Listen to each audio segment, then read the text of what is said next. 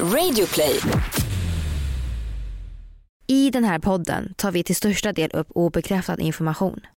Var därför kritisk till informationen som presenteras i avsnittet. We've all imagined traveling in time. What if the people you loved years ago could sit in your backyard once again? In a universe so vast, is there any hope of us traveling fast enough so that we could visit the far off realms of space?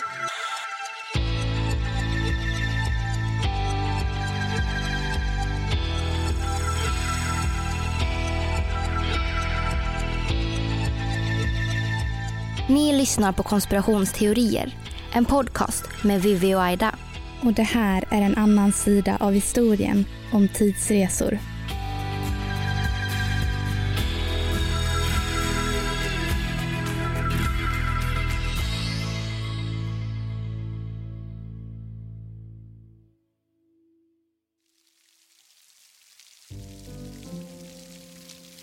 Året är 1954.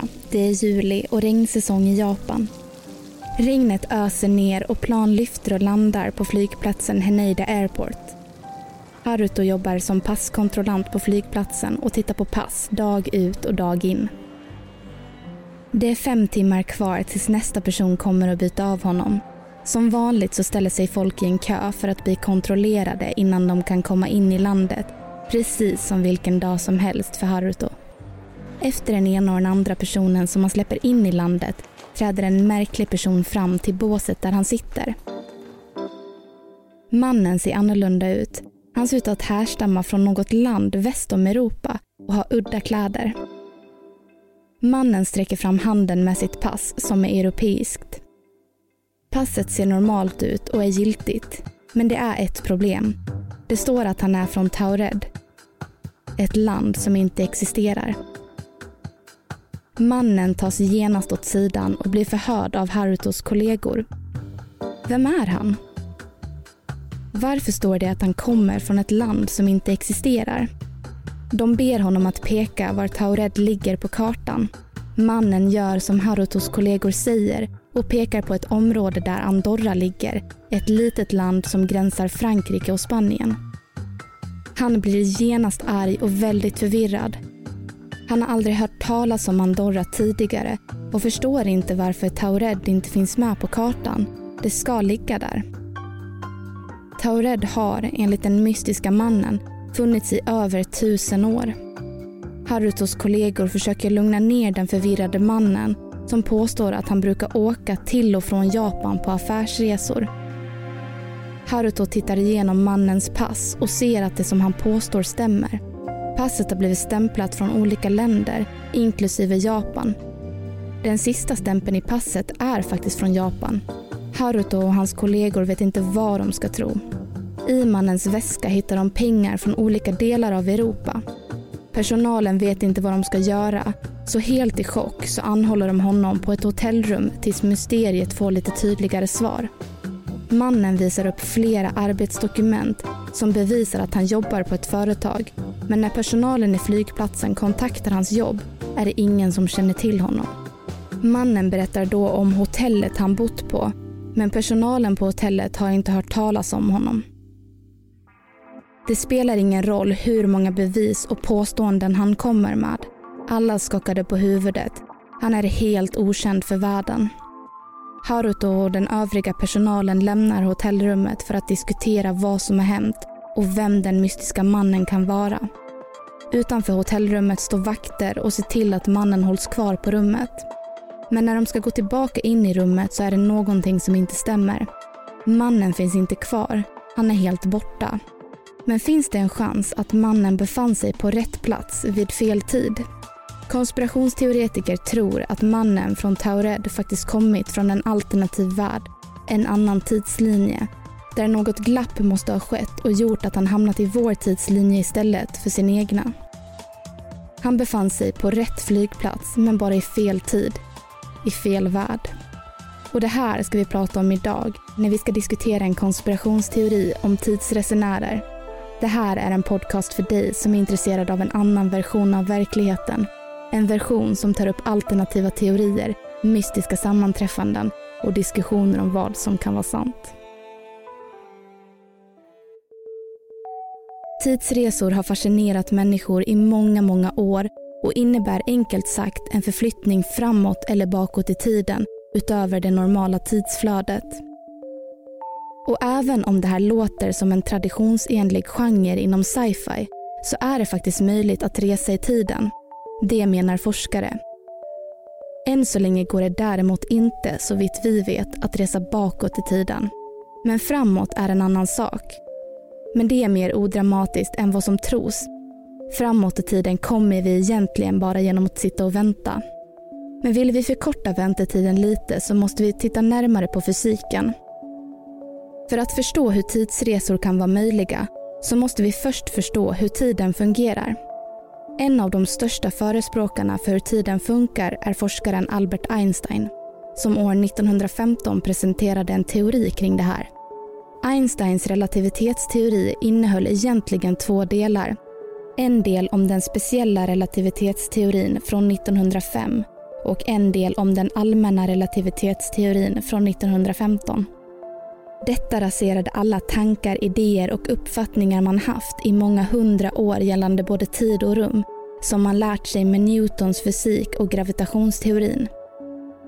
Den speciella relativitetsteorin sa att om man rör sig tillräckligt fort kommer tiden att gå långsammare. Tid och rum påverkas av rörelse. Några år senare, år 1915, utvecklades relativitetsteorin ytterligare och menade att även materia påverkar tid och rum, inte bara rörelse. Med detta kunde forskarna alltså veta att jordens massa saktade ner tiden, att tiden går snabbare ute i rymden än på jorden. Men även på jorden kan vi märka skillnad. Faktum är att tiden går långsammare vid fötterna än vid huvudet eftersom gravitationen är lite, lite större där. Om man vill tro på att tidsresor är möjliga så finns det faktiskt forskning som stödjer det. Det finns idag många historier om tidsresenärer som cirkulerar på nätet och idag kommer ni få höra flera av dem.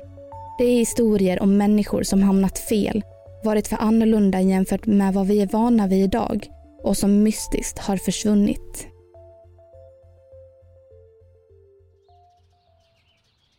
Vi är tillbaka i början av 2000-talet. Solen skiner, fåglarna kvittrar och vårvädret är magiskt.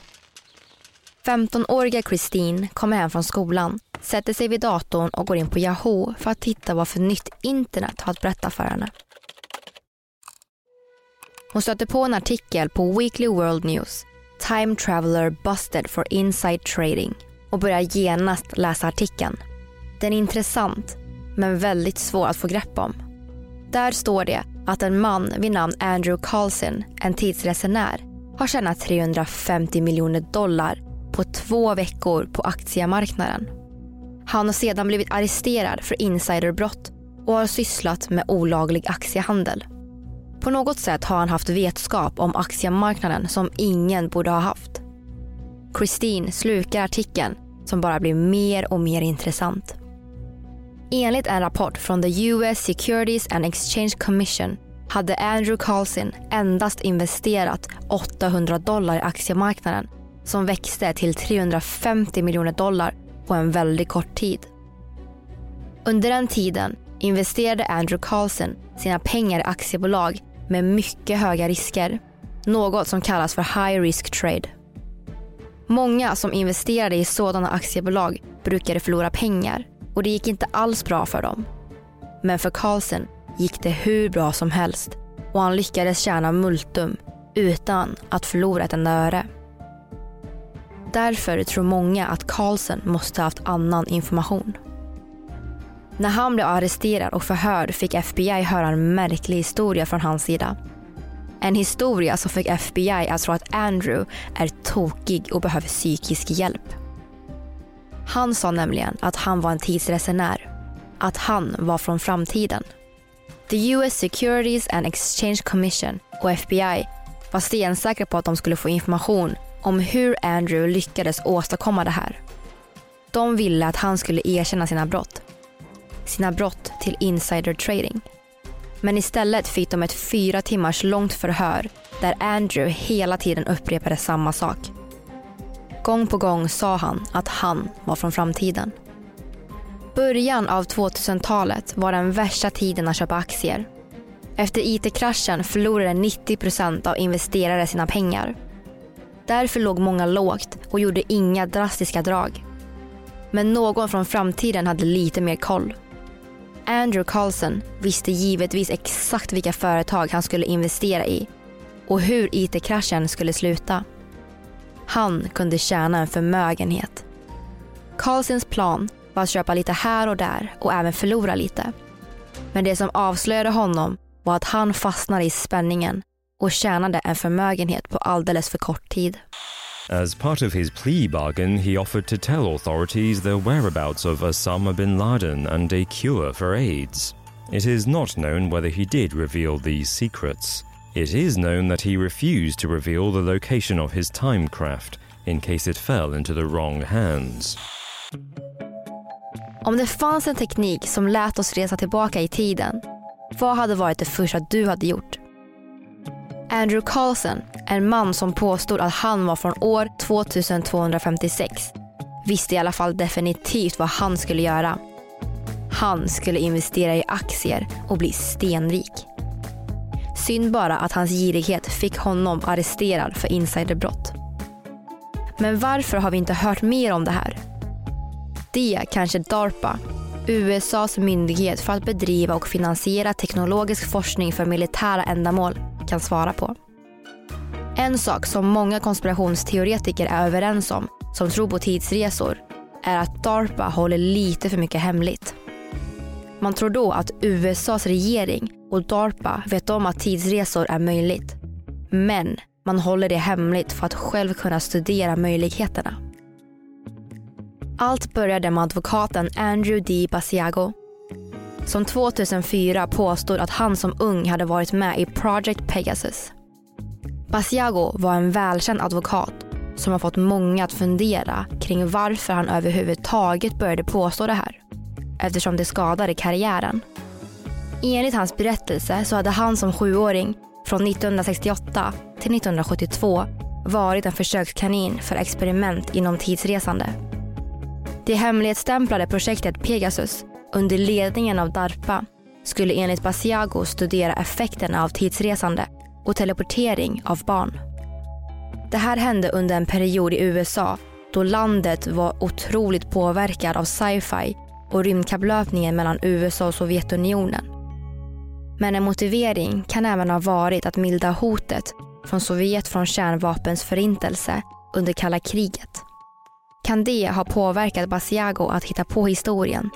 Eller kan det faktiskt vara sant? In a 2012 interview with the Huffington Post, Basiago explained that the reason the kids were used as subjects of Project Pegasus was to determine the mental and the physical effects of time jumping on children. He also revealed that children were better able in adjusting to the strings of moving forward and backwards through time. Som argument använde Basiago den berömda uppfinnaren Nikola Tesla som var en av de mest betydelsefulla personerna när det kommer till elektricitet. Enligt konspirationsteoretiker så hittade man dokument i Teslas lägenhet efter hans död som tydde på en teleporteringsmaskin. Denna maskin skulle DARPA använt för att få Basiago och flera andra barn att förflyttas. Men om historien som Basiago berättade stämmer eller inte vet vi inte än idag. Men enligt Basiago har han besökt flera olika platser, bland annat till Ford-teatern där president Lincoln blev mördad. Basiago åkte tillbaka i tiden till samma ställe flera gånger varpå han stötte på sig själv. Upplevelserna var alltid olika vilket öppnar upp tanken att de resor han gjort inte bara var tidsresor. Det var olika, alternativa verkligheter på olika tidslinjer. Om han hade räddat Abraham Lincoln från att bli mördad så hade han inte räddat sin Abraham Lincoln. Han hade räddat någon annans. Och det är här som parallella universum kommer in i frågan. Eftersom Einsteins teorier om relativitet inte verkar besvara frågan kring hur vi på riktigt kan resa i tiden så har flera konspirationsteoretiker föreslagit att det finns alternativa lösningar för att kunna hoppa fram och tillbaka i tiden. Tanken kommer ursprungligen från sci-fi och menar att det egentligen finns flera verkligheter, dimensioner och tidslinjer än den vi lever i idag. Så om vi åker tillbaka i tiden och förändrar något så kommer det att leda till att en ny tidslinje skapas. Men den gamla tidslinjen behöver nödvändigtvis inte försvinna. Tidsresenären kan hamna i ett nytt parallellt universum på grund av förändringen som inträffade. Men det finns även teorier om att den gamla tidslinjen faktiskt försvinner. Och många tror också att det inte behöver komma en ny tidslinje alls eftersom tidsresan kan vara inräknad i den befintliga tidslinjen vi lever i just nu. Om det vore möjligt att resa bakåt i tiden finns det oändligt med saker man kan göra. Men en vanlig fundering när det gäller tidsresor och parallella universum är farfarsparadoxen. Den rör ett scenario som helt enkelt är mer komplicerad än bara en fråga om existens. Vi leker med tanken att det är möjligt att resa tillbaka i tiden, vilket vi då väljer att göra. Där träffar vi på vår farfar som vi aldrig riktigt gillat. Han har inte träffat din farmor ännu. Vi väljer här att putta ner farfar från en klippa och gravitationen gör sitt jobb och han dör. Men om vår farfar dör och aldrig träffat vår farmor så får de aldrig vår pappa. Vilket betyder att vi aldrig heller har blivit till. Men om vi inte föds, då finns det inte heller någon som knuffar ner farfar från klippan. Så är det möjligt att resa i tiden? Svaret på den frågan får vi kanske vänta på. Under tiden medan vi väntar på svaren kan vi i alla fall uppleva det i filmer, böcker och tv-program.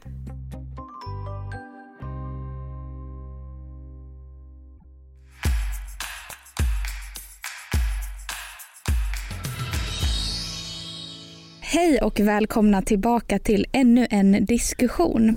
Och den här gången så tänkte jag börja med att ta upp en sak som lite går emot allt det här med tidsresor. Så ni får försöka hänga med så gott det går och ha i åtanke att varken jag eller Vivi är fysiker. Nej, precis. så om det skulle vara så att tidsresor är möjliga, vilket det i viss mån är, så kommer det här med tidsresor bakåt i tiden inte vara möjligt. Och det handlar om det faktum att vi inte kan resa tillbaka till en viss tidpunkt på grund av att vi har flyttat oss. Så eh, tänk så här. Jag vill resa tillbaka ett år i tiden till när jag flyttade in i min nya lägenhet. Så vi leker med tanken att jag har en tidsmaskin och så knappar jag in den 1 augusti och vips, jag har rest bakåt i tiden. Men jag kommer inte dyka upp i min lägenhet utan jag kommer hamna någonstans i rymden. För att jorden roterar hela tiden och eh, jorden roterar kring solen och det gör att vi alltid befinner oss på olika platser. Men sen så hela vårt solsystem rör sig också och hela universum kan också röra på sig. Och jag vet inte om vi vet hur mycket vi rör oss för att vi kanske inte kan mäta det för att vi har ingenting att förhålla oss till. Så att om vi åker bakåt i tiden så kommer vi att hamna någonstans i rymden. Okej, okay, men kan man inte bara på något sätt hitta på en maskin då som roterar allting tillbaka? Det vill säga um, hela vårt universum, alltså att allt åker tillbaka. Jo, alltså så kan man ju tänka, men det är bara jag som flyttar på mig. Det är inte jorden som gör det. Okej, då förstår jag. För om du exempelvis reser bakåt i tiden så fortsätter ju fortfarande min tid idag hela tiden. Vilket gör att du då hamnar någonstans helt borta. Ja, exakt. Ah, Okej, okay. ja, men då hänger jag med. Och även om så här, jorden kanske är på samma plats runt solen, om du åker tillbaka ett år tillbaka, så kanske du hamnar på samma ställe där du skulle ha varit det året, men du är fortfarande inte på jorden då. Nej men precis och sen kanske man även ska ta hänsyn till the butterfly effect eller fjärilseffekten som det heter på svenska. Och det syftar helt enkelt på att, okej okay, tänk så här, om jag inte gjorde det här då, skulle det här ha hänt nu? Eller ens ha hänt. Yep. Och en liten händelse kan orsaka en större händelse i framtiden. Så exempelvis om JFK valde att gå in i en skyddad limousin istället för att sitta i en öppen bil. Hade han överlevt då och hade allting sett annorlunda ut idag då? Så det finns ju massor med sådana grejer man kan spinna vidare på när det kommer till fjärilseffekten. Och det finns även mycket, mycket mer info om det här som ni kan kika mer på om ni är intresserade. Men nu har jag faktiskt en historia om en tidsresenär som jag vill berätta om. Ja okej, okay, kör. Och på med lite ljudeffekter. okej. Okay. Så tänk er, vi befinner oss på 1940-talet och det är dags för öppningen av South Fork Bridge i Gold Bridge i Kanada. Publiken står och förbereder sig för den nya invigningen av bron ovetandes om att bilden som tas på dem år 1941 kommer att bli omtalat än idag av konspirationsteoretiker. Så i publiken ser vi en man. En man som är klädd helt annorlunda från resterande i publiken. Och den här mannen har på sig solglasögon med en modern t-shirt med ett tryck på som ser ut att vara ett M. Och han står verkligen ut från resterande personer i publiken. Och den här mannen har då blivit känd som The Surfer Man eller Time Traveling Hipster där han även håller en portable camera i handen. Så en vanlig sån kamera som man kan liksom gå runt med. Och konspirationsteoretiker menar alltså att den här mannen verkar vara alldeles för modernt klädd för den tidens mode och menar att han är en tidsresenär. Aha. Eh, tror du att han är det då? Nej. för det finns en del fakta som faktiskt säger emot det här. Och eh, solglasögon uppfanns runt 1929 vilket gör att han var bara ahead of his time och tyckte om att ha solglasögon på sig. Mm. Och t-shirten som han har på sig representerar ett hockeylag som heter Montreal Maroons som fanns innan bilden togs. Och den flyttbara kameran som man håller i ser ut att vara en Kodak som uppfanns runt 1940-talet. Så icke-konspirationsteoretiker menar alltså att den här mannen bara var en hipster eller att han hade Vogue-mode. Ja, ja, precis. Oh, alltså det här med tidsresenärer är så intressant för det går varken att bevisa eller motbevisa det. Förutom i det här fallet då. Men i de andra fallen som vi har tagit upp idag, exempelvis med Andrew Carslin till exempel, ehm, så finns det typ mycket mer argument för att det skulle vara så att han hade rest i tiden ju. Och vi tycker ju faktiskt att det är så pass intressant med tidsresenärer så att vi vill faktiskt göra ett till avsnitt om det här. Tidsresenärer 2.0. så jag hoppas att ni gillar den idén. Ja, och det här var allt vi hade för idag. Ja, fast nej Vivi, det var inte alls allt för idag. För innan vi avslutar dagens avsnitt så måste vi ta upp Stephen Hawking som var en fysiker som höll på med relativitetsteorin och Hawkingstrålning och han var författare författare och en tidsresenär gud typ. En otroligt känd fysiker. Så en grej som är ganska rolig som han har gjort är att 2009 så hade han förberett en fest. Ni vet med ballonger, champagne, plockmat och sånt där som man behöver. Och han skulle bevisa att man inte kan resa från framtiden bakåt i tiden. Alltså det fanns till och med en sån här banderoll med Welcome Time Travelers. Så det han gjorde var att han skickade ut en inbjudan till festen. Efter festen hade ägt rum rum med koordinater och allt så att man kunde hitta även om man färdades genom tid och rum. Men ingen kom såklart till festen och det var ju det som var själva grejen. För det bevisade att man inte kan resa i tiden, inte ens i framtiden, för i sånt fall så hade personerna dykt upp kritiker till det här har sagt att ja, men tidsresenärer kanske har en tidsmaskin men kanske inte vetat om att de skulle komma till festen. Eh, men det är förmodligen inte så troligt med tanke på hur känd Hawking och hans teorier är. Ja, fast jag tänker att om man har en tidsmaskin eller är tidsresenär så vill man ju inte riktigt bli upptäckt. Och sen tänker jag att man kanske vill hålla det här med att resa i tiden hemligt. Ja, alltså så kan det ju definitivt vara.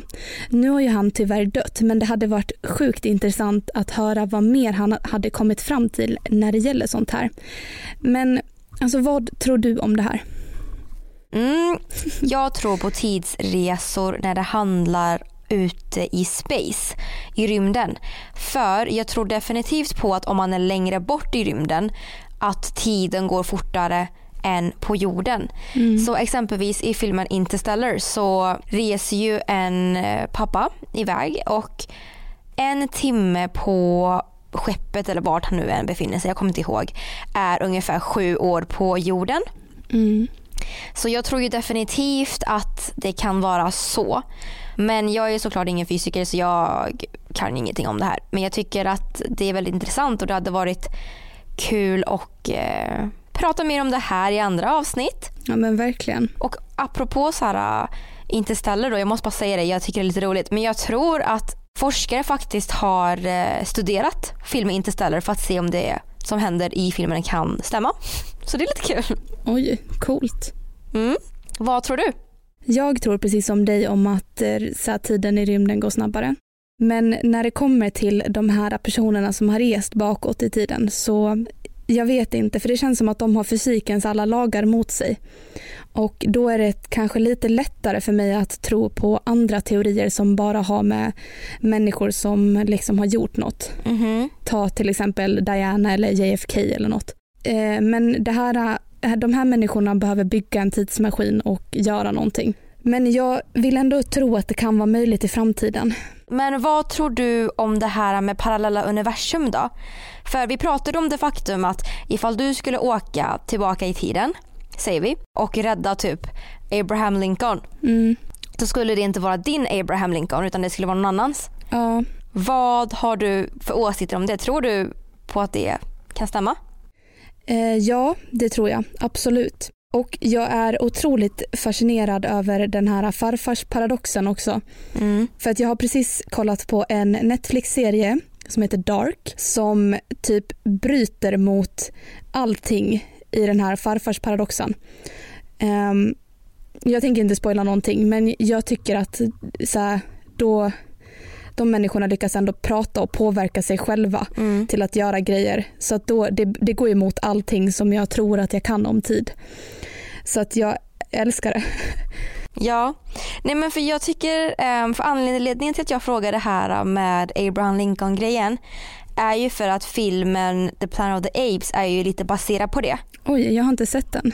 Har du inte? Okej, så det är en man som åker i en rymdraket eller jag kommer inte ihåg om det är en tidsmaskin eller någonting. Men på något sätt så hamnar han ju då på apornas planet och eh, han försöker ta sig tillbaka och när han väl tar sig tillbaka så eh, kommer han inte hem till där han är utan han är fortfarande på något sätt i, på apornas planet och han kommer till en staty där han ser Abraham Lincoln men Abraham Lincoln är en apa. Okej. Ja men det var jättelänge sedan jag såg den filmen. Men jag tror det handlar om att han hamnade i en annan eh, tidslinje eller någonting.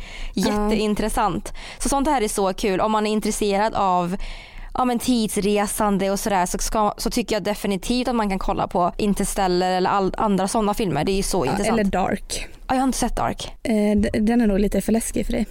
tror jag. Okej.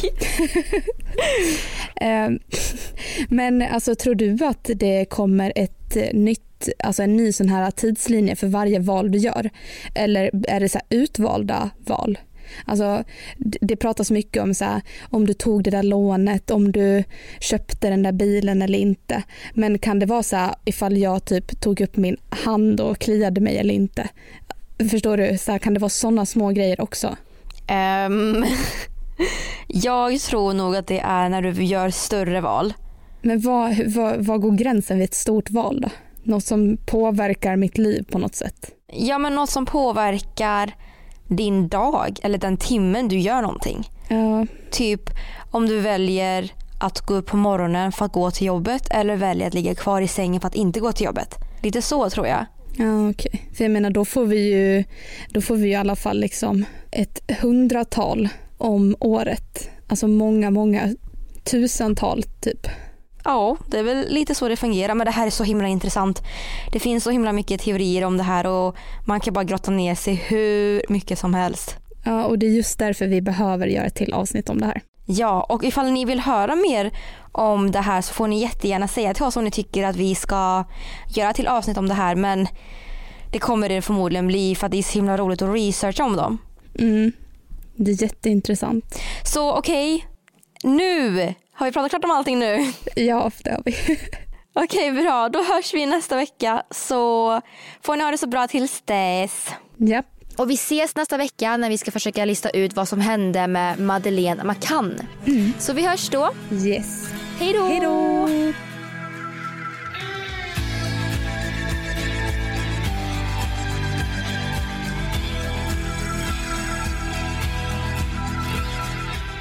Ni har lyssnat på podden Konspirationsteorier som gjordes hösten 2019.